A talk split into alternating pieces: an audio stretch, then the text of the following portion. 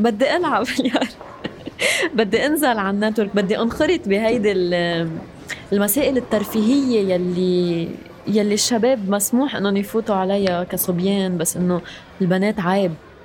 فمن وقتها يعني حسيت إنه أنا عندي ثائرة على هيدا العرف الاجتماعي. هاي ريتا. لما كان عمرها عشر سنين لفتتها لعبة البلياردو وحبت تجرب. بس بقريتها بمنطقة البقاع بالداخل اللبناني كان ممنوع لأنها ببساطة بنت. الطفلة ريتا ما استسلمت لأعراف صاحب صالة الألعاب لأنها شافت الترفيه من حقها. إيه، صاحب البليار هو حدا بيكتب بيكتب شعر وما حدا من الصبيان كان له جلادة إنه يسمع شو بيكتب. فأنا بوقتها استغليت هيدي الفرصة إنه أنا بسمع. انه أنت عم تكتب عبالك تسمح حدا أنا بسمع. فبالأول هيك فتت إنه أنا عم بسمع لهيدا الزلمة شو عم يكتب وهو صاحب المكان آه، فإنه نوعا ما صرت من الأجواء وانخرطت فيها. وأكيد من بعدها رفيقاتي انضموا يعني صديقاتي انضموا. وما عاد شيء ما عاد شيء غريب إنه صار شيء عادي. ومش بس صار عادي إنه ريتا تلعب بلياردو. بس ثورتها كمان رفعت روح المنافسة. وثاقبت بوقتها إنه كنا أنا وشريكتي فريق قوي إنه كانت صدفة حلوة. فهيك شكلنا مثل مثل خصم قوي. وهيدا الشيء خلى إنه مجموعات تانية تتشجع إنه تتبارى معنا. بس كرمال مين بده يربح مين بده يخسر. بس دايما كان في بذهن الكل إنه هودي بنات عم بيربحوا علينا فنحن بنخسرهم. بس إنه هيدي المباراة هي يلي خلت الروحية الموجودة إنه تتغير. بعد عشر سنين تقريبا ريتا كبرت ولقت أبواب أكبر عم تتسكر بوجهها. لقت بلدها عم يغرق بالزبالة المشكلة بلشت لما عقد الحكومة اللبنانية خلص مع شركة النفايات وصار في انقسام بين الزعماء حول مين هي الشركة اللي رح تحصل على المناقصة الجديدة. لأنه الشركات المطروحة بتستفيد منها جهات سياسية مختلفة. وكل هاد خلى النفايات تتراكم على الطرق وبين بيوت الناس بالعاصمة بيروت ومختلف المحافظات لشهور. ريتا وغيرها من الناس اللي تعبوا نزلوا على الساحات وطالبوا باستقالة الحكومة وإسقاط النظام اللي طالعة ريحته. بس أول مظاهرة كنت وعيت لها هي وقت أزمة النفايات.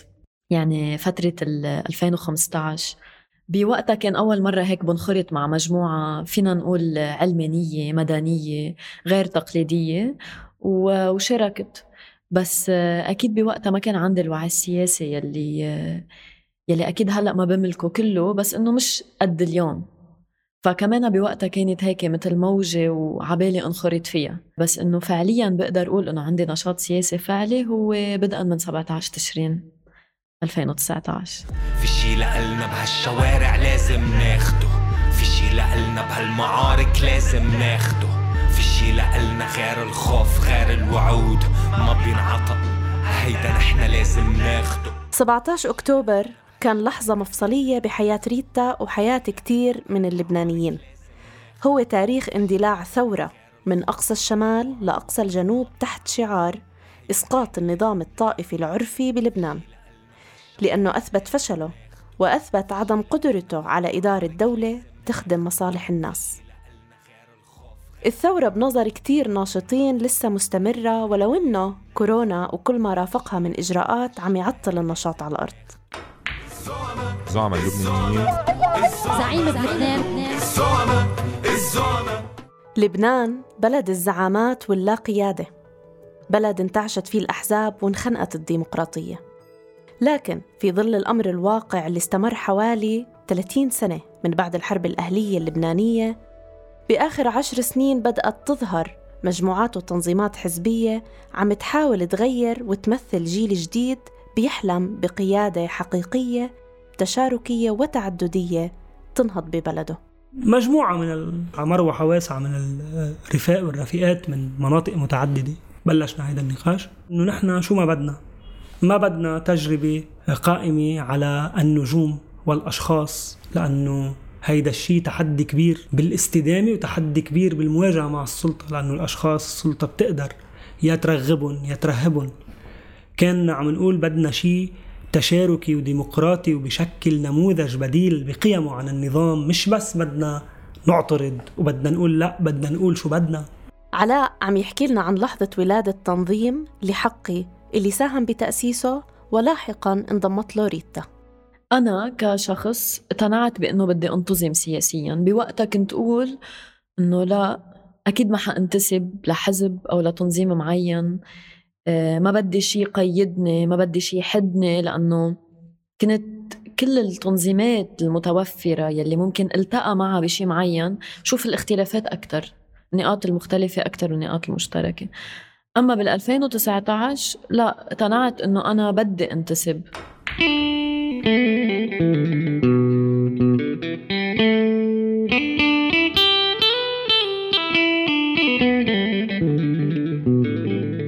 مرحبا فيكم في بودكاست أثر من شبكة التنظيم المجتمعي بالعالم العربي. معكم ريم مناع مدير تمكين الحملات بمؤسسة أهل. برنامجنا بينقل تجارب تنظيمية لحراكات مجتمعية وحملات شعبية بمجتمعنا. لنتعمق بمفهوم القيادة. بهاي الحلقة رح نزور لبنان لنتعرف على نموذج لحقي حراك تغييري سياسي واجتماعي عمره ثلاث سنين وبيرفع شعار القوة للناس. وبيطرح نموذج تشاركي للقيادة انطلاقاً من إنه القرارات بتيجي من المجموعات المتنوعة اللي بتشكل لحقي ومبني على الانتخابات الحرة بغض النظر عن الظروف. بينطلق من إنه المساءلة والحوار بتحمي من استبداد شخص واحد أو مجموعة واحدة.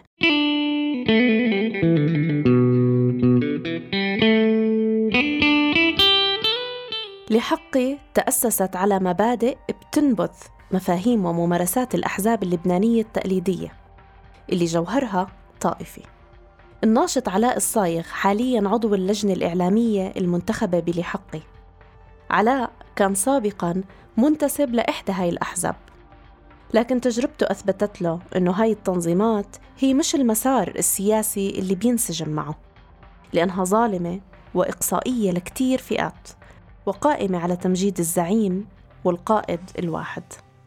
كنا عم نقول بدنا شيء أفقي لا مركزي. ما بيقصي الناس مثل ما النظام بيعمل وما بيقصي الأرياف وما بيقصي المناطق. كنا عم نقول بدنا مجموعة قيم. فيها كتير من التعاطف فيها كتير من الإنكلوسيفنس. بدمج الناس. وما نحط أولويات بالقضايا. بدنا مساحة كل الناس تعبر عن قضاياها بنفس الوقت بنفس الطريقة بنفس المكان بنفس المواجهة. لأنه بنعتبر أنه هيدا النظام هو يواجه كل الناس بنفس الحدة فما في آه، فصل ولا أولويات. هو يواجه الامرأة اللي ما بيعطيها الجنسية لأولادها وهو يواجه آه، المتظاهر بالطريق كرمال النفايات وهو يواجه المطالب بحقوق سياسية وهو يواجه اللي بيطالب بتعديل قانون انتخابي وهو يواجه اللي بيطالب بحقوق اقتصادية واجتماعية ويواجه كل هؤلاء بنفس الحدة ويواجه المهمشين والمهمشات والى آخره. بوقتها بال 2017 علاء اعتبر إنه عم يشلح موروثات القبيلة والطائفة والنظام والزعيم اللي حملوا إياها النظام من صغره. وهاي كانت دافع كمان لمجموعة صغيرة من الناشطين التانيين للاتفاق على تأسيس لحقي. بدنا تنظيم يضمن التشاركية، يضمن الديمقراطية الداخلية، يضمن التوسع الأفقي وكسر المركزية واحتكار السياسي يضمن خلق كوادر وطاقات ومواجهين ومواجهات للنظام بكل المواضيع وبكل القضايا. وهيك انولد تنظيم لحقي ومن وقتها لليوم لبنان ما أخذ ولا استراحة من أحداث حافلة عم تحكم مصير اللبنانيين. بال 2018 صارت الانتخابات البرلمانية بعد انقطاع غير دستوري لحوالي تسع سنين ونتج عنها طاقم كرس كمان مرة الطائفية السياسية. وما قدرت الأصوات المستقلة مثل لحقي توصل لمقاعد النيابة. ال 2019 حملة حرائق قضت على مساحات خضراء كبيرة وشفنا لبنان بينحرق. بعدها بأكم من يوم اشتعلت ثورة تشرين احتجاجا على سياسات الحكومة الاقتصادية اللي بتحمل الفئات المهمشة أعباء إضافية. الضيق المعيشي خنق اللبنانيين. لحد ما حصل انفجار مرفأ بيروت وقتل العشرات وشرد الآلاف بآب 2020 وبكل هاي الأثناء كانت لحقي حاضرة وعم تشتغل وعم تكبر. خلينا مع بعض نفهم كيف لحقي منظمة حالها من الداخل بحيث تقدر تشتغل وتضم آخرين وتكبر وتترك أثر. وتحديدا بهيك ظروف. مرق التنظيم بثلاث محطات.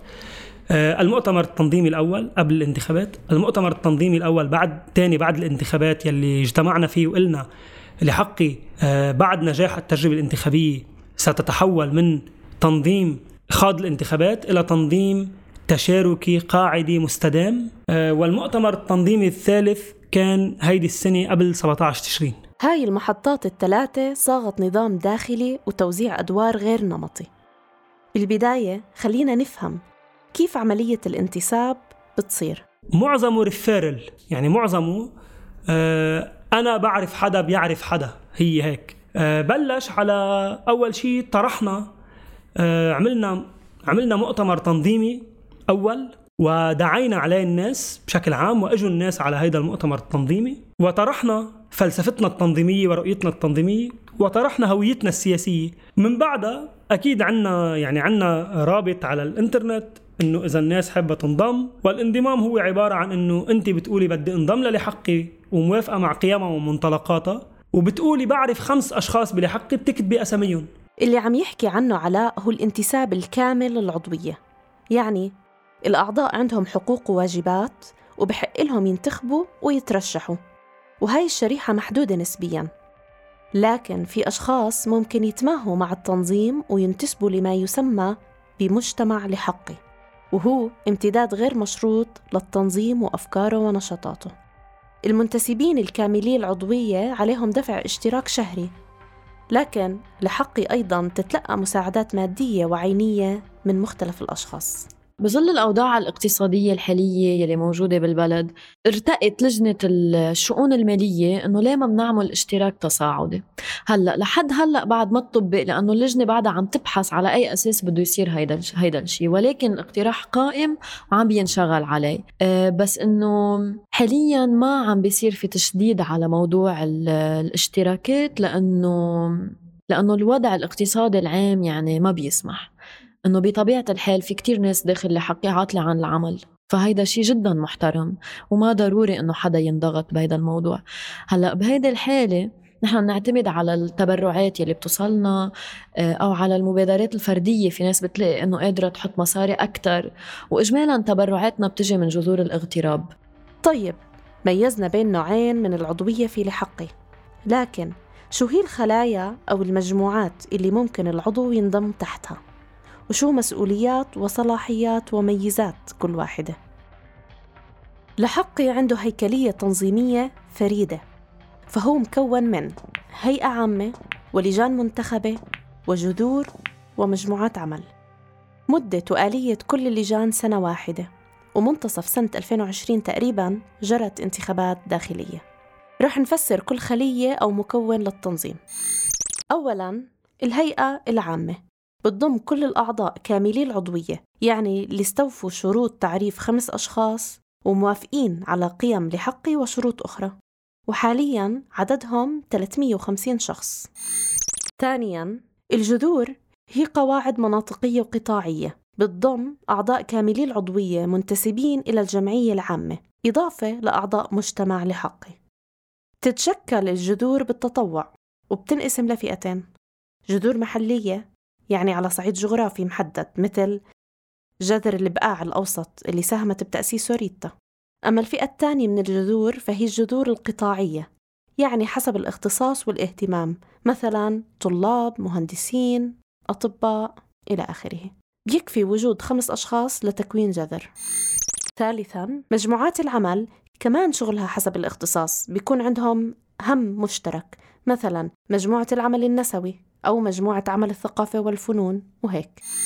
رابعاً اللجان المنتخبة الخمسة بتضم أمانة السر اللي بتنتمي لها ريتا حالياً. ولجان مختصة أخرى هي لجنة العلاقات السياسية واللجنة المالية. واللجنة الإعلامية اللي بنتمي لها علاء. بس بعد في بعد في مجموعة واحدة بدي أحكي عنها وهي جديدة ما كانت موجودة بهيكليتنا قبل.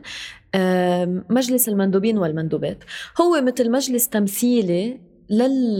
للجذور. يعني لأنه هالقد جذورنا كتيرة وبعدها عم تكتر. وهيدا شيء بالنسبة لنا بيكون عم بينمي أكتر اللامركزية يلي نحن مقتنعين ومطبقينها. فمثل هو مجلس تمثيلي فمجلس المندوبين بضم مندوبين ومندوبات من كل الجذور المناطقية والقطاعية. اللافت أنه الجذور القطاعية والمناطقية ومجموعات العمل غير محددة بالنظام وما بتحتاج انتخابات لتشكيلها وممكن إنشائها بمبادرة من الأعضاء سواء المنتخبين أو حتى الموجودين بمجتمع لحقي واللي بالمناسبة عددهم حوالي سبع آلاف عضو حالياً. إذا صار في تقاطع بين الجذور ومجموعات العمل بيتعاونوا. وإذا أثبتت التجربة عدم نجاح مجموعة أو قطاع ما فالحل وارد. فإذا في آه، شيء بيتقاطع بصير تعاون مش منافسة. يعني نحن مثلا جزء كتير من بياناتنا إذا بننشرها بيكون التوقيع تحت آه، مجموعة عمل الحريات وجذر الشوف. مجموعة عمل مجموعة العمل النسوي ومجموعة عمل الحريات بالعكس بيكون في تعاون. بس مثلا أحيانا مثلا نحن كان في عنا مجموعة عمل مجموعة عمل التربويين والتربويات. وقت اللي تشكل قطاع التربويين والتربويات لقينا إنه شو الفرق بيناتهم؟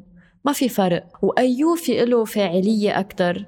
أكيد القطاع. فبهيك حالة أكيد بالعودة لكل الأعضاء والعضوات يلي موجودين بمجموعة عمل تربويين والتربويات لقينا أنه أنه ليه ما بتنحل هيدي المجموعة؟ لأنه صارت جهود نفسها مضاعفة بهيك حالة انحلت المجموعة ونحط الجهد بالقطاع. لأنه ارتأينا أنه لأ القطاع دوره أوسع وأشمل. طيب كيف كل هالخلايا عم بتنسق بين بعضها؟ وكيف هالشي عم يصير بالتوازي على صعيد وطني؟ هون بيجي دور مجلس المندوبين. رح أعطي مثلا على سبيل المثال إذا بدنا نقول شيء باسم لحقي كلها أوكي؟ أه تنعتبر عنا تحرك ستة ستة هيدا قطعنا فيه. إجمالا تحرك ستة ستة أه يلي بده ياخذ المبادرة إنه يدعي إذا نحن منشارك ولا ما منشارك هي مجموعة العمل المباشر. هي مجموعة عمل. العمل المباشر لأنه طعنا بكل شيء تحركات على الأرض كل شيء ميداني. مجموعة العمل المباشر بمن موجود فيها؟ هن بين بعض آه، قرروا إنه نحن بدنا نشارك بستة ستة. هلأ ما بيقدروا أوكي نحن عنا بلحقي أي بيان أي نشاط أي أي شيء قائم لحد ما يجي اعتراض عليه. يعني نحن ما بننتظر موافقة. كل شيء موافق عليه فينا نقول كل شيء جاري لحد ما يوصل اعتراض عليه. فمجموعة العمل المباشر إذا نويت إنه تشارك بتحرك ستة ستة ما فيها تقول إيه يلا بدي وبيمشي التحرك لا. يلي بيصير إنه في ناس بتمثل آه، مجموعة العمل المباشر داخل مجلس المندوبين والمندوبات. يعني هي صلة الوصل بين المجلس وبين هيدي المجموعة. هودي الأشخاص بينقلوا هيدا القرار لمجلس المندوبين والمندوبات. المندوبين والمندوبات بينقلوا هيدا الشيء للجذور. okay؟ الجذور بتتناقش بين بعضها. في جذور بتوافق في جذور إنه بتقول okay لا لا منشارك. في جذور بتعترض بهيدي الحالة يلي بيصير إنه في نسبة معينة من المجلس نسبة معينة إذا بتعترض يعني إذا بيوصل هالقد نسبة معينة من الاعتراض داخل مجلس المندوبين والمندوبات. ونسبة الاعتراض بتتفاوت حسب طبيعة النشاط إذا هو بيان ولا هو تحرك ولا هو تغيير بالهيكلية التنظيمية تبع لحقي. إذا إنه تأمنت هيدي النسبة معينة معترضة بيتحول هيدا الاقتراح للتصويت الاعتراضي. التصويت الاعتراضي يعني بيصير للجمعية العامة ككل إنها تعترض أو ما تعترض عليه. بالتصويت الاعتراضي كمان في نسبة معينة. إذا هيدي النسبة اعترضت بيسقط الاقتراح وبالتالي ما بتشارك لحقي بستة ستة. بس إذا ما تأمن تأمنت هيدي النسبة من الاعتراض بيكون النشاط بيكون نشاط قائم. داخل لحقي لكل مجموعة عمل وكل لجنة وكل جذر منسق ونائبة منسق أو منسقة ونائب منسقة. وظيفتهم تنسيق عمل المجموعة وتيسير أخذ القرارات بشكل تشاركي مع مجموعة عملهم أو لجنتهم. والقرارات بتروح عند مجلس المندوبين للاعتراض أو عدم الاعتراض. والملفت بشغل المنسقين هو مبدأ المناصفة الجندرية المفروض في النظام الداخلي. لكن بعد الممارسة تبين إنه مش الشكل الأمثل لتمثيل الجنسين. من بعد تجربة الانتخابات الداخلية يلي عملناها مش من زمان بنيسان آه، لقينا إنه المناصفة الجندرية مش عادلة. يعني بدل ما توصل أكبر عدد ممكن آه، من النساء عم تخلق آه، منافسة بين النساء. فوصل كتير اقتراحات للجنة أمانة السر كونها هي تعنى بالشق التنظيمي إنه المناصفة الجندرية منا عادلة. وهلأ بلجنة أمانة السر وكونه دايما في عنا ورشات تنظيمية داخلية بتنعمل بشكل دوري حسب الحاجة طبعا لقينا إنه هيدا خطأ ولازم يتغير. يمكن لازم نعتمد الكوتا يمكن لازم ننظر لشي غير بس إنه يعني بعد ما وصلنا لقرار نهائي شو الحل البديل؟ كل الساعة للي كل الساعة وهيدي وحدة ثورة بتكفي. كل الساعة للي لما تجي بعرف مين حيكون بالصف. هذا النموذج التجريبي الجديد ما في صيغة قانونية جاهزة تستوعبه بلبنان وهي معركة تانية عم يخوضها لحقي آه، اليوم لحقي هي حراك تغييري مستدام هي تنظيم قاعدي أفقي تشاركي ديمقراطي مثل ما بنعبر عن حالنا ولكن تعرف أنت اليوم قانون الجمعيات بلبنان هو القانون العثماني من 1900 وخشبة على قولة اللبنانيين بالعامية. فهيدا القانون ال ال ال تنتظم على أساسه الأحزاب السياسية أو التنظيمات والبنى الاجتماعية. هو تنظيم جدا أكل عليه وشرب الدهر ونام. فهيدا القانون ما بيسمح بشكلنا التنظيمي مثل ما هو يكون عم يتسجل. ما في عندهم هيك شيء مش موجود. فهيدا كمان بيفتح باب لنحن نقول إنه هيدي الفترة الانتقالية اللي عم نحكي عنها نحن عم نحكي عن سلطة سلطة بديلة وفترة انتقالية تعيد إرساء قواعد لنظام جديد. وهذا مش التحدي الوحيد اللي بيخوضه التنظيم. هلأ نحن تجربتنا صراحة كانت مختلفة. أكيد في تحديات بس إنه لقيناها بالعكس لقيناها إنه دايما بيتلاقي لها حل. هلأ مثلا آه، بعض التحديات يلي واجهناها هي باللجان المنتخبة. وقت اللي لجنة منتخبة مثلا أوكي على أي أساس بيتحدد عدد أعضاء وعضوات اللجنة المنتخبة؟ حسب المهام مهام اللجنة. فممكن يتراوح عدد اللجنة بين أربعة وستة ممكن بين ستة وثمانية ممكن أكتر حسب المهام. مثلا رح أحكي هلأ عن هيدا العام. 2020 آه، في بعض اللجان مثلا عندنا لجنة توجهات سياسية آه، لجنة توجهات استقالت كلها ولجنة توجهات سياسية مهمة. يعني وجودها بهيك تنظيم كتير مهم إنه توجهات منه شيء منه شيء سهل. فالحل اللي آه، هو فعليا الحل موجود قبل. إنه كل لجنة آه، بحق لها يكون عندها خلية دعم لها فلجنة التوجهات السياسية يلي استقالت لأنه لأسباب معينة مش إنه غابت وما كان في بديل عنها لا في خلية دعم آه، سبق وكانت موجودة دعم لهيدي اللجنة آه، بظل عدم وجود لجنة توجهات بعد الخلية هي عم تاخد دورها. فهو تحدي بس إنه في بديل.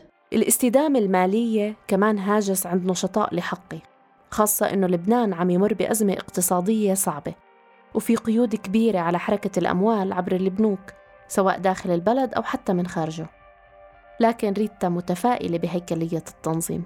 هلا هي اللامركزية المطبقة بلحقي بحد ذاتها بتضمن تضمن هيدي الاستمرارية لأنه آه، مثلا بعض التحركات يلي بتصير بتكون تحركات ضمن جذور معينة مش لحقي ككل. فكل جذر في عنده اللجنة المالية الخاصة فيه. كل إنه هيدا شيء إنه مختلف عن الصندوق المالي بلحقي. ففي بعض التحركات الجذور بتتحمل مسؤوليتها والجذور على قدها بتعملها. يعني مثلا بدنا نعمل يافطة. نحن بين بعض. يعني بنشوف قد إيه قدرتنا آه شو قادرين نجمع. يمكن مثلا ما نقدر نعمل يافطة. نجيب كرتونة نحملها نكتب عليها. فهي اللامركزية بحد ذاتها بتحقق هيدا الشيء وبالنشاطات يلي بتكون آه، هيك بتجمع لحقي ككل لجنة الشؤون المالية هي اللي بتكون عم بتديرها. نفس الشيء اللي عم بيصير بالجذور بيكون عم بيصير باللجنة الشؤون المالية بس إنه على صعيد هيك أوسع. فإذا لقينا إنه مثلا ما في يعني مثلا عندنا اجتماع آه، ما قادرين نأمن غدا ساندويتشز معينة بنطلب من كل حدا إنه يلي قادر يأمن حصته الغذائية. يعني دائما بنحاول نلاقي بدائل بس إنه هذا الشيء ما بيعني إنه معنا مصاري وسبق وذكرت إنه جذور الاغتراب فعلا يعني هي دعم كتير كبير على الصعيد المالي. التنظيم المجتمعي والسياسي بيتطلب مجهود والتزام وأمل من كل أعضائه. لأنه الأهداف اللي بيسعى لتحقيقها ما ممكن تتحقق بيوم وليلة بل هو مسار طويل محكوم بتحديات السياق المحلي اللي بيشتغل فيه. الأمل هو بالناس إنه هون الناس عم يستعيدوا الحيز العام عم يستعيدوا المساحة العامة عم بيعيدوا تعريف السياسي عم بيعيدوا تعريف عقد اجتماعي بين بعضهم عم بيشلحوا سوا موروثات وأوهام وعم يبنوا سوا قيم اقتصادية واجتماعية تضامنية وعم يبنوا سوا روحية جذرية بمواجهة النظام يلي هو مشكل ظلم وقهر لكل الفئات. أنا كشخص بالمجتمع لفترات كتيرة ما حسيت بالانتماء للمجتمع كمجتمع بكل ما فيه أو ما حسيت بالانتماء الكلي. آه، بانخراطي داخل هالتنظيم السياسي فعلا حسيت بالانتماء لشيء وهيدا يلي عطينا الأمل أو أقله بحكي عن حالي هيدا اللي عاطيني الأمل لإلي. السؤال اللي طرحتي علي بالأول إنه لا بدي كفي وبدي أعمل شيء لأنه حاسة بالانتماء. عندي إيمان بالشيء اللي عم بيصير. ندى من بعيد رح لبس صوت حرية بأيد ولا عشق يوم. ندى من بعيد رح لبس صوت تعرفنا بهاي الحلقة على تنظيم لحقي في لبنان من خلال حديث معمق مع العضوين الناشطين فيه ريتا تنوري وعلاء الصايغ. وتعلمنا عن شكل القيادة والهيكل التنظيمي بحراك لحقي وآلية اتخاذ القرار مع وجود كل الجذور واللجان وشعور كل الأعضاء إنهم ممثلين ومؤمنين بالتنظيم. بودكاست أثر من إنتاج صوت وبتوجيه من شبكة أثر ومؤسسات أهل. اشتركوا بقناتنا على التطبيق اللي عم تسمعونا عبره وانتظرونا بحلقات جديدة وتجارب قيادية مختلفة.